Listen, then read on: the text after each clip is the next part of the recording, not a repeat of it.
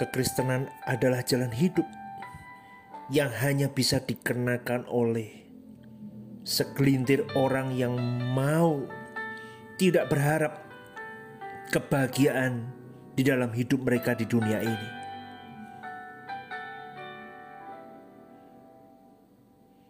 Orang-orang itu sadar bahwa kebahagiaan di dunia ini hanyalah sementara dan terbatas waktunya. Temporary sifatnya. Oleh sebab itu, orang-orang seperti ini dia paham. Jangan mengkorbankan segala sesuatunya hanya untuk yang bersifat sementara. Tetapi mereka belajar mengorbankan diri mereka untuk sesuatu yang kekal sifatnya. Bahkan mereka akan dianggap oleh orang-orang di dunia ini orang yang aneh. Orang yang tidak bisa orang yang tidak bisa bergabung dengan dunia ini, yang tidak bisa masuk ke dalam dunia ini. Itulah kita anak-anak Allah, saudaraku orang-orang yang tidak bisa lagi memuaskan hidup ini hanya untuk kesenangan dunia.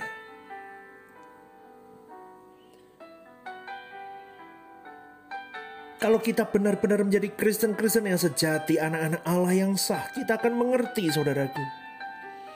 Ketika hidup kita hanya berkutat untuk urusan dunia dan semua pemenuhannya, kita sedang digiring oleh dunia untuk menjauh dari apa yang Bapa mau. Tidak lagi berharap kebahagiaan dunia. Bukan berarti tidak mau bahagia, bukan. Tetapi justru Tuhan akan menggirangkan kita dengan segala hal yang ada pada kita.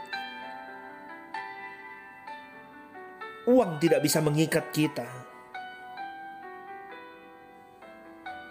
namun uang berada di dalam kontrol kita yang takut akan Tuhan. Jika kita menjadi pribadi yang benar-benar mengerti kekristenan yang sejati, saudaraku,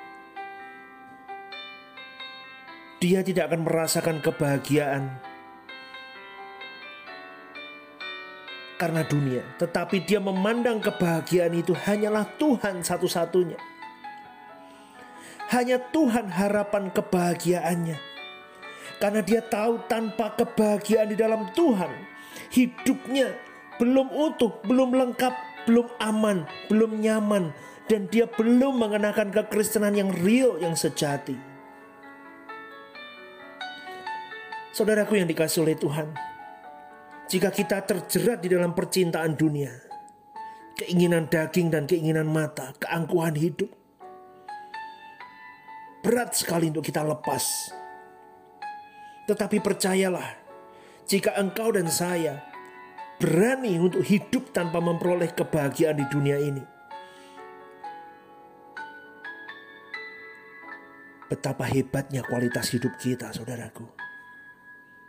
Benar, saya katakan betapa hebatnya kualitas hidup kita di mata Allah. Apa pun yang kita lakukan, apa pun yang mau kita kerjakan, apa pun yang mau kita ucapkan, apa pun yang mau kita pikirkan. Kita benar-benar berpikir, Tuhan, Engkau senang enggak dengan apa yang aku lakukan ini? Kodrat ilahi masuk dalam hidup kita. Sehingga kodrat dosa tidak lagi bisa menguasai hidup kita, saudaraku. Ini yang kita sebut dengan Kristen sejati. Engkau boleh memiliki rumah bagus, mobil bagus, boleh. Tidak tidak tidak ada yang tidak memperbolehkan Anda memiliki kekayaan, silakan. Tetapi seorang Kristiani yang takut akan Tuhan, dia sadar hidupnya bahwa aku anak-anak Allah. Itu semua bukan kebahagiaan menurut dia tetapi itu hanyalah anugerah dan itu tidak bisa mengikat hidupnya. Meskipun dia memiliki segala sesuatu, tetapi seorang anak Allah yang benar, dia tetap berkata, "Hanya Tuhan kebahagiaanku." Berapa banyak kita bisa berkata seperti itu, saudaraku? Ketika kita memiliki kelimpahan uang, dunia kita bisa memiliki semuanya. Berapa banyak kita berani mengatakan, hanya Tuhan kebahagiaanku. Jika engkau dan saya sampai di level itu saudaraku. Wow, betapa luar biasa hidup kita. Segala sesuatu bukan kesenangan lagi. Segala sesuatu kita pandang sebagai terima kasih Tuhan itu berkatku. Aku mau pakai untuk kemuliaan Tuhan. Cukup dan tidak boleh mengikat di hidupku. Saudaraku yang dikasih oleh Tuhan. Setelah kita mendengar Injil, seharusnya kita memiliki pemahaman yang berbeda dengan dunia ini. Kita harus sadar bahwa dunia bukan satu-satunya dunia yang harus kita tinggali selama-lamanya. Enggak loh masih ada dunia atau bumi lain yang Tuhan sediakan bagi kita. Langit baru, bumi baru, Yerusalem baru, saudaraku. Dunia ini sudah rusak. Dunia ini sudah hancur dengan dosa. Banyaknya manusia berbuat dosa. Semakin parah, semakin tahun, semakin buruk keadaan dunia ini.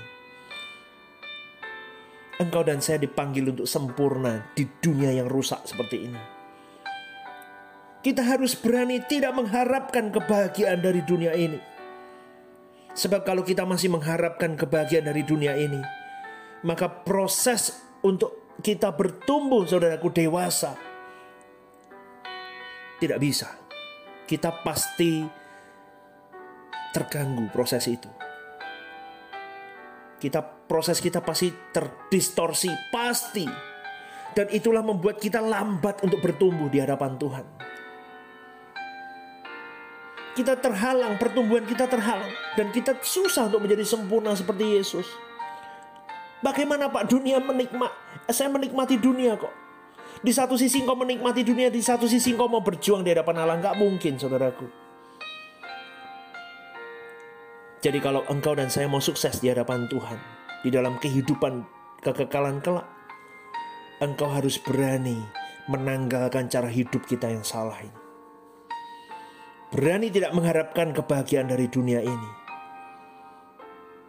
Dan hanya Tuhan satu-satunya kebahagiaan kita. Mari berjuang saudaraku.